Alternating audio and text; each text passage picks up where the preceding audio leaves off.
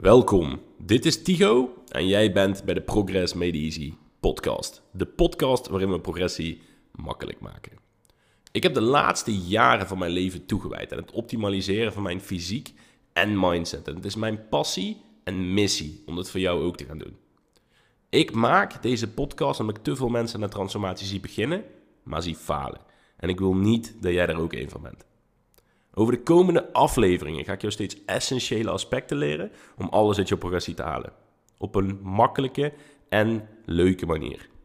Volg mij in de road naar jouw transformatie.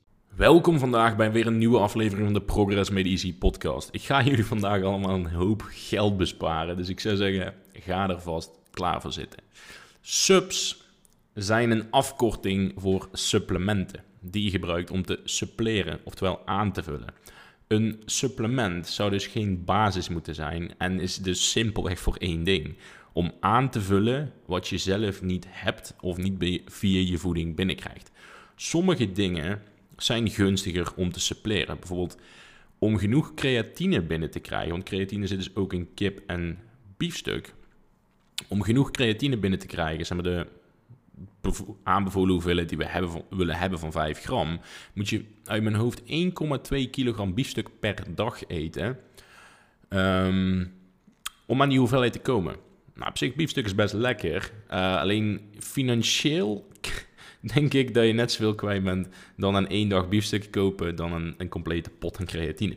Dus um, als je het puur voor dat doel zou doen, dan ben je iets beter af met uh, een potje creatine. Daar kan je dan wel langer mee doen over het algemeen. Dus supplementen zijn slechts om dingen aan te vullen die je anders niet hebt. Alles wat je niet tekort hebt, echter, hoef je ook niet aan te vullen. En alles wat geen nut heeft, ook niet. Dus dat scheelt al een hele hoop als we gaan kijken naar wat hebben we daadwerkelijk nodig. Alleen dingen die we tekort hebben en niet de dingen die we toch niet nodig hebben. Wat een heel groot van de supplementenindustrie at the moment is. Of ja, ik weet niet zozeer at the moment. Um, ik denk altijd wel. Er zijn dus bijzonder weinig dingen die ik mijn atleten laat suppleren die echt nut hebben. Dat betekent niet dat ik ze heel veel dingen laat suppleren die geen nut hebben, maar ik laat ze eigenlijk maar heel weinig dingen suppleren. Ik ga je er even doorheen loodsen, plus ik ga je de reden geven waarom en hoe je het het beste in kan nemen. Daarna kom ik nog op wat dingen terug die ik niet aanraad om te gebruiken en waar je dus vooral je centen mee kan besparen. Dus dat gaat de opbouw van de podcast worden. Laten we beginnen met omega 3. Omega-3 is een essentieel vetzuur die we dus, het woord essentieel zegt het, binnen moeten krijgen via onze voeding, dus niet zelf kunnen produceren. Um, en er is eigenlijk een heel groot disbalans tussen de omega-3-consumptie die we hebben en de omega-6-consumptie die we hebben. Omega-6 is in dit geval, in de meeste gevallen, ontstekingsbevorderend, vooral als die omega-6 meer is dan omega-3. Als het gelijk is aan, dan is dat niet zo'n probleem. Als het meer omega-6 is dan omega-3, dan is het pro-inflammatory, zoals ze dan wel eens noemen. Dus dan zorgt het voor laaggradige ontsteking. Wat is daar nou niet zo heel chill aan? Is als we dat te veel hebben, dan um, kan het tot heel veel dingen leiden. Zoals bijvoorbeeld ja, chronische ontsteking in ons lichaam, die weer kunnen leiden tot gewrichtsproblemen en heel veel andere kwaaltjes. Uh, hart- en vaatziekten en zo. Dus dat is dingen die we natuurlijk niet willen. Maar als we gaan kijken naar een normaal westers dieet, dan hebben we waar we eigenlijk een balans van omega-3 tot omega-6 willen hebben van 1 tot 1 of 1 tot 2, zitten we in het normale westers dieet eerder op 1 op 20 of 1 op 30. Dus we zitten nogal ver van waar we willen zitten. Maar dat is ook wel te zien in de gemiddelde ja, gezondheid van de mens van deze tijd. Dus um, dat is redelijk in lijn daarmee. Alleen we willen dat dus wel gaan verbeteren. Dus je zit goed ik raad meestal aan rond de 1500 tot 3000 milligram EPA, DHA per dag. Dus dat zijn zeg maar, de nuttige vormen van omega-3 die daadwerkelijk er iets toe doen. Als je gaat kijken naar ALA, die bijvoorbeeld in jouw um, lijnzaad zit of iets dergelijks, die is een stuk minder gunstig. Wordt altijd wel heel leuk gepromoot zo in de supermarkt van er zit omega-3 in. Maar zolang het ALA is, dan heb je er niet zo veel aan. Dus focus op die EPA en DHA. Maar als je een visolie supplement hebt, dan zitten er over het algemeen ook altijd in. Kijk dan ook echt naar de EPA en DHA-waarde, niet naar hoeveel omega of uh, niet naar hoeveel olie erin zit, want het gaat om daadwerkelijk wat erin zit. Zeg maar, het gaat niet om de steen, maar het gaat om de goud in de steen, om het zo maar te zeggen. Dus het gaat om hoeveel van die essentiële vetzuren zitten er daadwerkelijk in die pil. En daar is verschil dus per pil. Heel belangrijk om in je achterhoofd te, te houden.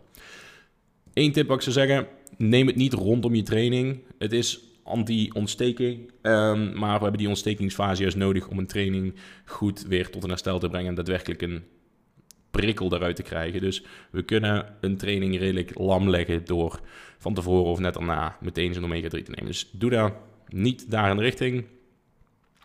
Pre-bed is chill, vind ik over het algemeen. Want sommige mensen kunnen wel eens problemen hebben dat ze omega-3 pillen opboeren. Maar als je dat doet voor je naar bed gaat, dan slaap je al voor deze opboert. Of boert ze helemaal niet op. En je kan ook nog, is een tipje wat ik ooit heb gehoord. Ik heb het zelf niet geprobeerd, want ik pak ze al pre-bed. Dan heb ik er geen probleem mee. Maar je kan ook in de koelkast bewaren. Daardoor is daar buitenkantje net wel harder. En dan boer je dus ook niet meer op. Ik heb het nooit geprobeerd, maar het zou moeten werken. Dus ik zou zeggen, als het werkt, um, laat me even weten. Dan, um, ja, dan weet ik ook dat het werkt. Uh, maar ik heb daar zelf nooit last van, dus ik kan niet testen. Magnesium is een volgende. Mineraal met het grootste tekort van de wereld. Ongeveer 2 op de 3 mensen heeft een tekort hierin. Dus dat is nogal heftig. Dus als je dit luistert, is de kans groter dat je wel een tekort hebt dan dat je geen tekort hebt. En dat is interessant. Vooral als wij, omdat wij sporten, hebben er eigenlijk nog meer behoefte aan dan mensen die gewoon de hele dag chill op zijn bips kunnen zitten. Um, maar het is dus echt heel belangrijk. Het helpt tegen slaapproblemen. Je ziet heel veel mensen die gewoon random wakker worden in de nacht. En dus heel, moeite, heel veel moeite hebben met doorslapen. Daar zie je heel vaak terugkomen op een magnesiumtekort. Moeite met tot rust komen, omdat magnesium essentieel is bij de afbraak van galgjewoord catecholamine. Oftewel, stel je voor, ik sta achter de deur en ik laat je schrikken. Al die zooi die dan door je lichaam heen knalt. Dat helpt uh, magnesium om dat af te breken. Dus ook hoe meer stress je hebt in je leven, hoe sneller je door je magnesium heen gaat. Dus daar moet je ook rekening mee houden. En uh, het is nodig voor een goede spierfunctie. Dus je kan ook wel eens bijvoorbeeld krampen krijgen als je een te lage um, hoeveelheid magnesium in je systeem hebt zitten. Dus dat zijn een paar belangrijke dingetjes. Um, hoe we het nou in gaan nemen? Niet innemen tegelijkertijd met calcium. Ofwel zuivelproducten. Ik kan ook calcium hebben los van zuivelproducten, maar met zuivelproducten is het sowieso een no-go. Waarom? Omdat dan magnesium heel slecht wordt opgenomen. Dus uiteindelijk gaat het niet om hoeveel je inneemt, maar hoeveel er wordt opgenomen. Dus dat is een belangrijke. Citraat is een goede vorm. Bisglycinaat is ook een goede vorm. Dus als je op het etiketje kijkt, koop niet zomaar magnesium, maar koop magnesium citraat of magnesium bisglycinaat. Als je niet één van die twee vormen hebt, dan zit je meestal niet goed. Je hebt ook nog andere vormen die wel werken, maar dit zijn de meest gangbare vormen die werken. Als je magnesiumoxide op het potje ziet staan, skippen, neem je bijna niet op. Het beste waar het voor gebruikt wordt, is voor mensen met constipatie. Om, om hun darmen aan de gang te brengen en ervoor te zorgen dat ze geen constipatie meer hebben. Uh, dus tenzij dat je daarmee zit te struggelen, zou ik um, citraat of bisglycinaat uh, aanraden. Um, en ook zie je lekker aan de kant laten staan. Want het gaat voor je magnesiumtekortprobleem heel erg bijzonder weinig doen. Gezien het gewoon heel slecht wordt opgenomen in dat deel van je lichaam. Pribet is top, maar niet als je dan bijvoorbeeld een bak kwark eet. Dus dan moet je je achterhoofd houden. Verder is een dosering van tussen de 300 en de 500 milligram per dag is een dikke vette prima. Je moet er natuurlijk rekening mee houden hoe groot je bent, hoe meer je nodig hebt. Wat ik al zei, meer stress, meer nodig. Dus dat zijn een paar dingen, maar met een dosering van bijvoorbeeld 400 milligram over het algemeen zit je dan uh, smack bang in de middel. Dus dat is top. Dan creatine het meest geresearchte supplement van de wereld. En ook eentje met denk ik de meeste achterlijke mythes. Je krijgt er, als het goed is, als je gewoon gezonde nieren hebt, ook geen nierproblemen van. Je wordt er niet kaal van. Vocht vasthouden is intercellulair, oftewel in de spier. Is het onderhuids, dan drink je simpelweg te weinig. En ik zal je uitleggen hoe dat proces werkt. Als jij drinkt, als je normaal 3 liter drinkt, en dat is precies genoeg voor je lichaam, en je gaat dan creatine nemen. En een deel van dat vocht wat je normaal binnenkrijgt, wordt dus ineens onderhuids gebruikt, of niet onderhuids gebruikt, in je spieren gebruikt om extra eh, ATP op te slaan. En extra glycogeen op te slaan. Die situatie is reëel. Dus dan heb je eigenlijk in de rest van je lichaam, omdat er vocht naar die spieren toe wordt getrokken, te weinig vocht. Dus je lichaam heeft eigenlijk een vochttekort en gaat daarom vocht vasthouden. Dus eigenlijk als jij creatine neemt, moet je ook je vochtinname verhogen om ervoor te zorgen dat je geen vochttekort krijgt in je lichaam, waardoor je vocht vast gaat houden. Stel je voor, je houdt vocht vast, je zou niks aan je drinken doen en je doet het voor twee weken, waarschijnlijk al eerder, maar stel je voor twee weken uh, zeker, dan is dat vocht vasthouden ook weg. En um, als je dan nog steeds denkt dat je vocht vasthoudt, dan is het waarschijnlijk geen vocht. Oepsie. dus um, ja, dat is dan een beetje jammer. Um, 5 gram per dag. Voor de rest van je leven zit je top. Want zelfs helpt uh, creatine niet per se alleen maar met uh, spiermassa kweken. doordat je meer ATP-productie hebt en daardoor harder en beter kan trainen waardoor hij uiteindelijk ook meer kan groeien. Maar het helpt ook met neurologische functies en het helpt zelfs tegen Alzheimer's ziekte. Dus dat is wel een interessante. Niet dat ik daar op dit moment van mijn leven heel erg bang voor ben, maar als het meehelpt, kan het ook zeker geen kwaad. Dus 5 gram voor de rest van je leven, geen laadfase, geen cycles, geen andere gekke dingen. Um, dan zit je gewoon goed. Dus als je gewoon 5 gram pakt elke dag, voor of na je training of tijdens als je een intra-workout drinkt, is allemaal prima. Uh, maar zelfs al zou je het op een ander moment van de dag nemen, dan zit je nog steeds goed. Dus doe dat, dan zit je helemaal top. Vitamine D3. Nou, die is ietsje minder belangrijk dan bovenstaande drie. Vooral als het bijvoorbeeld zomer is en je krijgt dan genoeg vitamine D3 binnen. Want dan krijgen we natuurlijk van de zon. Of ja, eigenlijk de zon geeft een bepaalde reactie op onze huid. En daarom maken we dan zelf die vitamine D3 aan.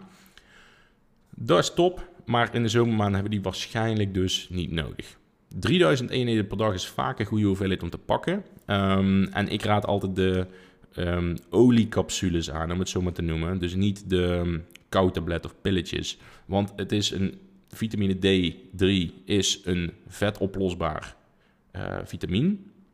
Dus wat willen we daarmee doen? Die willen we ook het liefst met een vette maaltijd eten. Of niet per se een vette maaltijd, maar in ieder geval een maaltijd waar vet in zit. Zodat die ook goed kan worden opgenomen. Dat is belangrijk. Eén ding wat je alleen niet wil doen met vitamine D3, is niet voor de opname van vitamine D3. Want die is overigens wel beter met calcium. Dus bijvoorbeeld een kwarkmaaltijd of iets anders, een glas melk, iets in de richting. Maar je wil het niet pre-bed pakken. Want, en dit is dus grappig, toen ik hierachter kwam, vond ik echt uh, zeer interessant hoe het lichaam werkt.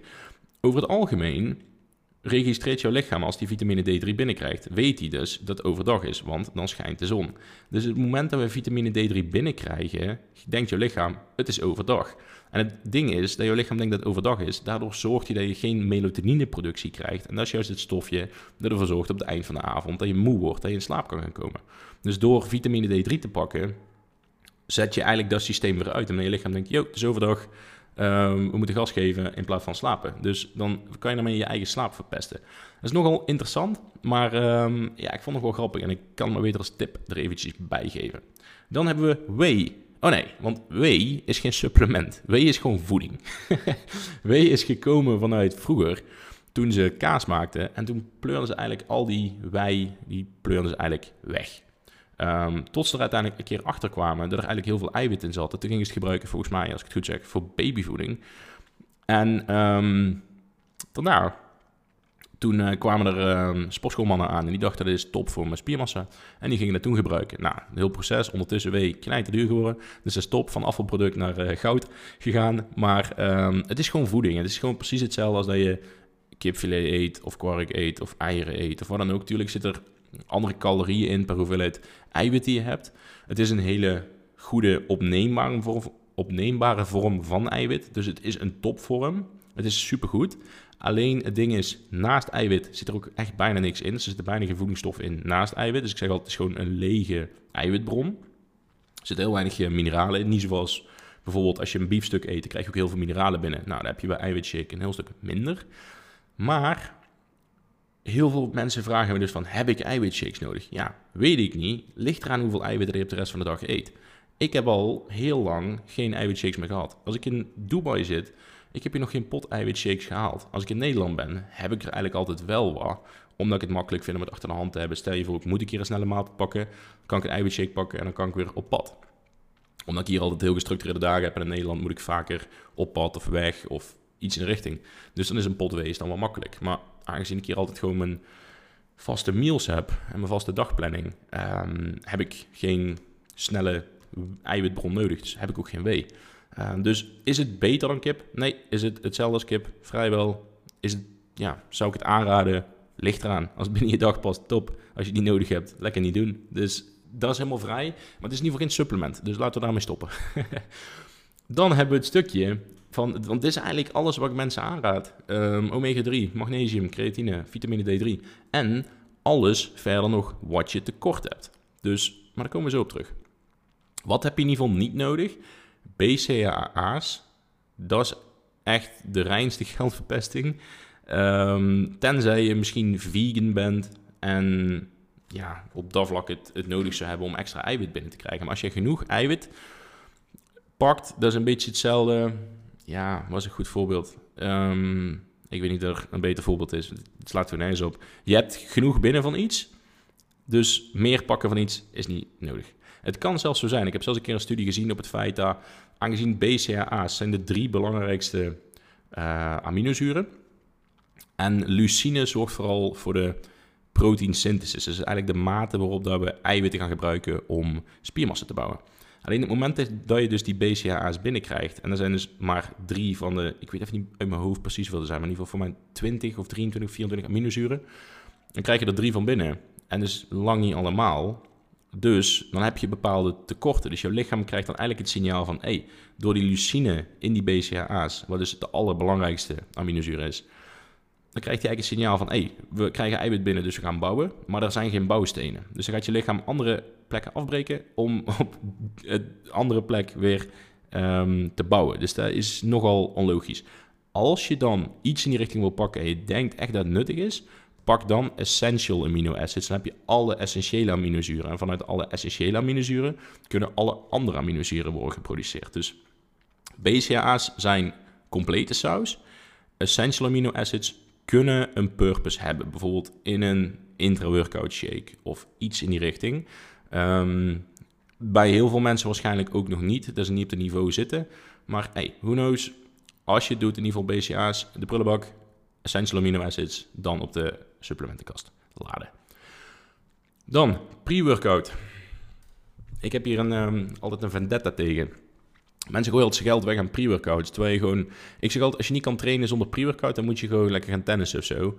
Um, want ja, kom op nou. maar als je dan echt iets nodig hebt... bespaar jezelf het geld van die pre-workout. Want dat is gewoon, vind ik... Ik vind, ik vind best duur voor iets wat je niet nodig hebt. Um, mijn opinie. Wat je ook kan doen, is gewoon een dubbele kop koffie. En dan ga je alsnog als een trein. En er is zelfs bewezen uit studies dat eigenlijk een van de enige supplementen die in um, pre-workout zit, die zorgt voor een prestatieverbetering, is cafeïne. Dus er was gewoon pre-workout en cafeïne was naast elkaar gehouden in, in, een onderzoek. En toen bleken dus dat de mensen die pre-workout pakten net zo goed presteerden als de mensen die cafeïne pakten. Dus je kan ook gewoon twee koppen koffie pakken en de rest van je geld in je zak houden. Dat is mijn advies. Aan de andere kant zit een pre-workout altijd meteen heel veel cafeïne. En ik ga daar nooit goed op, persoonlijk. Ik ga me altijd alleen maar slechter voelen van pre-workout dan beter. Dus dat is niet zo heel tactisch. Een andere side note van pre-workout is... de meeste mensen trainen s'avonds op een doordeweekse dag na hun werk. Dus als jij om 6 uur of half 7... laten we zeggen 6 uur, voor het makkelijk. Jij pakt een schep pre-workout van 300 milligram cafeïne... wat is ongeveer twee koppen koffie is. Uh, sorry, vier koppen koffie is. Ik was al verder in mijn rekensom. Daar komen we zo terug. Um, dan heeft cafeïne een halfwaarde tijd van vijf uur. Dus dat betekent niet dat het weg is over vijf uur. Nee, dat betekent dat het gehalveerd is over vijf uur. Dus als je om zes uur die schep pre-workout pakt, dan heb jij die, die vier koppen koffie pakt. Dan heb jij om 11 uur s'avonds nog steeds twee koppen koffie in je systeem. Nou, waarschijnlijk lig je binnen een half uur of een uur lig je in je nest met twee koppen koffie die door je systeem inbeuken. Waarschijnlijk is dat kleine, kleine, kleine beetje prestatieverbetering wat je had in de gym door die pre-workout weer drie keer zo hard vergaald in het gebrek aan goede kwalitatieve slaap die je hebt gehad door die pre-workout of door die cafeïne. Dus of dat überhaupt die cafeïne in taxi zetten is, dat is al een vraag. En dan, dan heb je nog de vraag van, hey, moet ik er dan ook nog eens mijn geld aan uitgeven?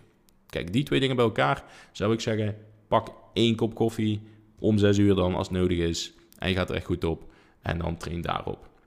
Anders, ja, dan kan je ook nog eens de non-stim pre-workouts pakken. dan ben je echt geld weg aan het spoelen. Over het algemeen. Dus uh, daar zit heel weinig in wat echt daadwerkelijk nuttig is. Het kan zeg maar je training leuker maken, omdat je wat meer pump krijgt of zo. Maar over het algemeen, zeg maar, de prestatieverbetering eruit, die is niet op te wegen tegen de andere dingen. Dan kan je beter je geld steken in ja, alles eigenlijk. Maar bijvoorbeeld betere kwaliteit voeding of coaching of goede trainingsplannen of weet ik veel ga je echt veel meer aan hebben dan uh, die dingen. Maar ook gewoon echt bijna alle andere kleine dingen. Ik, vroeger, toen ik zeg maar nog echt bij de plus werkte, duwde ik al mijn plusmonies. Die duwde ik in, uh, in supplementen. Zo'n zonde, want achteraf denk ik echt van, wat heb ik allemaal niet gehaald? Raspberry ketones, ik had Agmatine sulfaat voor een pump, uh, citrullinemalaat voor een pump. Ik had allemaal van die rare dingen. HMB-poeder, totaal niet nodig. Ik had van alles, wat allemaal gewoon waardeloos was. En daar heb ik echt zoveel geld te verbrast toen. En vooral relatief gezien, omdat het zeg maar toen niet heel veel binnenkwam. Uh, dus dat was, uh, was redelijk sneu. Maar heel veel van die dingen heb je gewoon niet nodig. Maar kijk, wat kan je nou wel nodig hebben? Alles wat nodig is binnen jouw persoonlijke situatie. Slaap je slecht? Kijk naar sleep subs. Heb je een slechte vertering? Kijk naar hoe je je vertering kan verbeteren. Misschien, um, ik heb cliënten die uh, galblaas weg hebben laten halen. Nou, misschien als jij die enzymen um, of zeg maar, helpt met, um, of enzymen pakt die met vetvertering kunnen helpen. Dan heb je minder klachten en minder problemen. Dat zou een goede kunnen zijn. Dat zou voor jouw persoonlijke situatie een goed supplement kunnen zijn wat echt daadwerkelijk kan helpen.